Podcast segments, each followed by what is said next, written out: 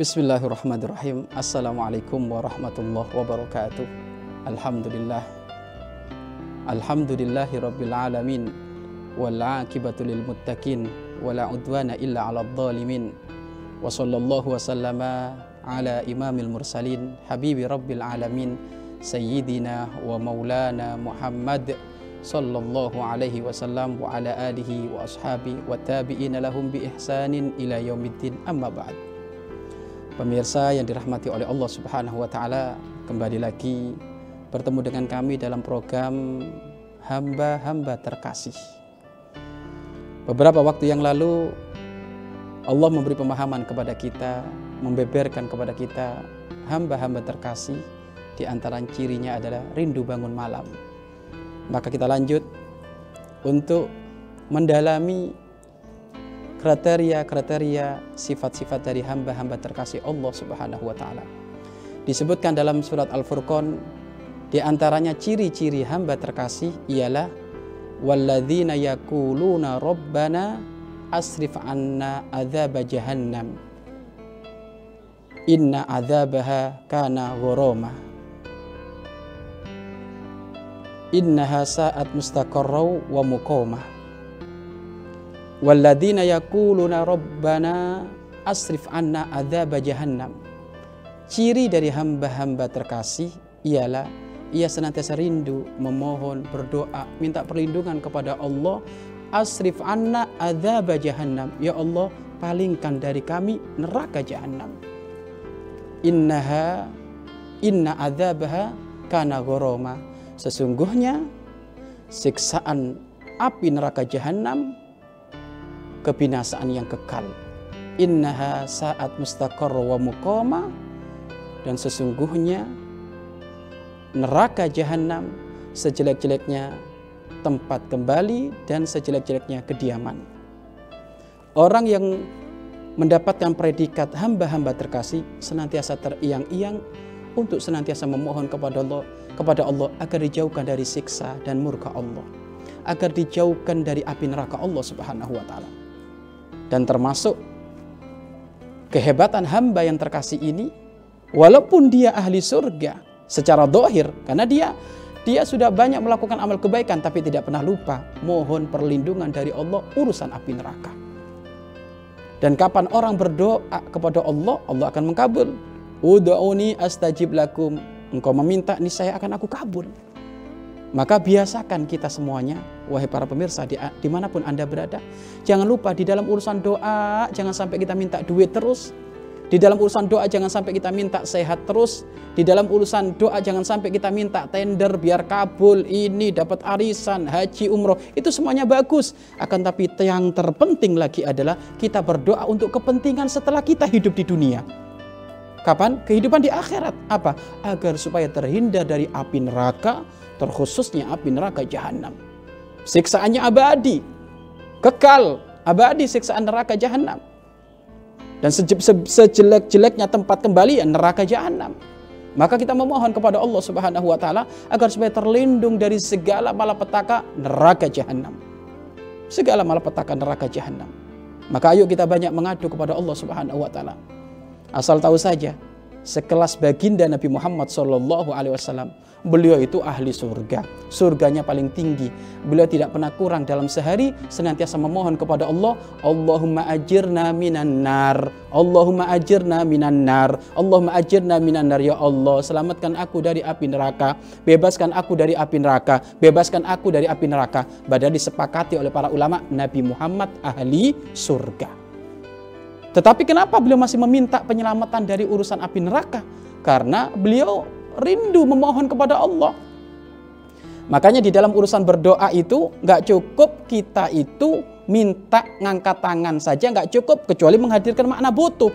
Loh Nabi Muhammad walaupun menjadi ahli surga tapi beliau butuh pengkabulan doa kepada Allah, butuh kepada Allah sehingga beliau minta dilindungkan oleh Allah dari urusan api neraka. Ini sekeras baginda Nabi Muhammad SAW.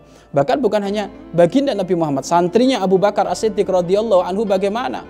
Beliau itu kalau sudah cerita tentang hari kiamat pasti Abu Bakar menangis, Sayyidina Umar menangis, Beliau-beliau itu orang-orang soleh, orang-orang para sahabat. Beliau sangat bermurah dalam urusan air mata. Tidaklah Nabi Muhammad cerita tentang neraka kecuali nangis. Tidaklah Nabi Muhammad bercerita tentang hari kiamat, susahnya nanti hari kiamat, yaumul hisab. Kecuali saat itu para sahabat menangis. Bahkan cucunya baginda Nabi Muhammad Sallallahu Alaihi Wasallam yang bernama Imam Ali Zainal Abidin bin Hussein cucu baginda Nabi Muhammad Sallallahu Alaihi Wasallam diceritakan beliau masih kanak-kanak usia antara 6 sampai 7 tahun. Tiba-tiba beliau berada di masjidnya Rasulullah. Berada di masjidnya Rasulullah, berada di sop yang pertama. Tiba-tiba diketemukan beliau itu nangis sejadi-jadinya. Padahal anak kecil ini. Usia 6 tahun, 7 tahun. Nangis sejadi-jadinya. Imam Ali Zainal Abidin ini. Sehingga ada orang tua saat itu datang. Nak, kamu nangis apa? Kok kamu sampai nangis sejadi-jadinya itu? Kenapa kamu nangis, nak? Emangnya orang tuamu meninggal? Emangnya kakakmu meninggal atau duit duitmu hilang? Nah, enggak, Bapak. Enggak, orang sepuh. Terus kenapa kamu yang menjadi kenangis? Yang menjadi kenangis, aku takut neraka. Subhanallah. Anak kecil. Ya ini, ibadur rahman ini ya ini modelnya. Hamba-hamba terkasih ya ini. Padahal bila cucunya Nabi Muhammad, hitung-hitungan amal ibadahnya nggak kurang-kurangan. Dan juga andekan dia kurang ibadah pun masih kecil, nggak wajib ibadah. Tapi beliau sudah kecil banyak menangis kepada Allah. Setelah ditanya, kamu nangis apa nak? Kok sampai sebegitunya nak? Air matamu sampai berderas kenceng gitu. Begitu banyaknya air mata yang keluar dari matamu, kamu nangis apa? Aku takut neraka wahai paman. Aku takut neraka wahai bapak. Akhirnya bapak tadi ngomong lo, anak kecil nggak masuk neraka. Anak kecil nggak masuk neraka, anak kecil. Anak kecil masuk surga. Benar kalimat itu. Tetapi Imam Ali Zainal Abidin gak cukup ada di situ. Walaupun beliau masih kecil, tiba-tiba beliau bertanya kepada bapak tadi yang tua tadi. Pak, saya mau bertanya. Bapak di rumah punya tungku nggak? Tungku yang sering dipakai nasi, dipakai menanak nasi? Iya punya. Kira-kira kalau kita menghidupkan tungku untuk dipakai memasak, kira-kira yang dipakai untuk menghidup-hidupi api itu kayu yang kecil-kecil apa kayu yang besar-besar? Maka, maka bapak tadi ngomong yang dipakai adalah kayu yang kecil-kecil dulu karena untuk menghidup-hidupi api biar apinya segera membara lalu akan menjadikan saat itu mudah memasak. Oh berarti yang kecil-kecil ya paman? Iya yang kecil-kecil. Lah kalau kayak gitu paman aku takut paman aku yang kecil ini menjadi sebab bara apinya neraka menjadi sebab nyala apinya neraka. Maka dari situ paman aku menangis. Maka ternyata paman yang sepuh tadi itu juga menangis. Subhanallah. Inilah ibadur rahman. Hamba-hamba terkasih. Tidak pernah sedikit pun melalaikan dirinya kepada Allah. Sangat takut. Apalagi urusan neraka. Urusan neraka. Sangat takut. Sangat takut, sangat takut. Maka ayo kita banyak-banyak memohon kepada Allah keselamatan dari urusan neraka. Keselamatan dari urusan neraka. Keselamatan dari urusan neraka. Jangankan siksa neraka, siksa kubur sangat pedih. Siksa kubur sangat pedih, siksa kubur sangat pedih, apalagi siksa neraka. Mengerikan, mengerikan, mengerikan, mengerikan, mengerikan. Bahkan banyak orang-orang soleh, banyak orang-orang soleh itu kalau sudah mendengar ayat tentang neraka, pingsan-pingsan mendengar.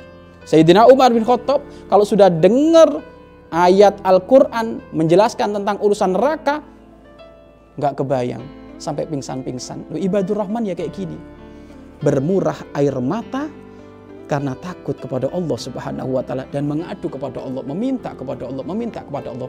Loh jika sekelas Imam Ali Zainal Abidin, sekelas Abu Bakar, sekelas Rasulullah Shallallahu alaihi wasallam begitu semangatnya berdoa meminta kepada Allah untuk dijauhkan dari urusan api neraka, lalu bagaimana dengan kita? Berapa kali Anda minta perlindungan dari Allah dalam urusan neraka? Atau mungkin seharian kita lupa berdoa. Lupa hanya minta kabul doa ini tender ini arisan dapat duit ini ini ini. Hanya itu tok. Sehingga lupa kehidupan kita setelah kehidupan di dunia.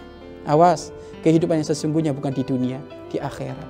Akhirat itu isinya dua neraka surga surga neraka kalau nggak kita persiapkan dari sekarang untuk persiapan nanti menjadi mulia di akhirat dengan ahli surga lalu kapan lagi ad-dunya mazra'atul akhirah dunia ini tempat cocok tanam akhirat kalau ingin mulia di akhirat dunia ini.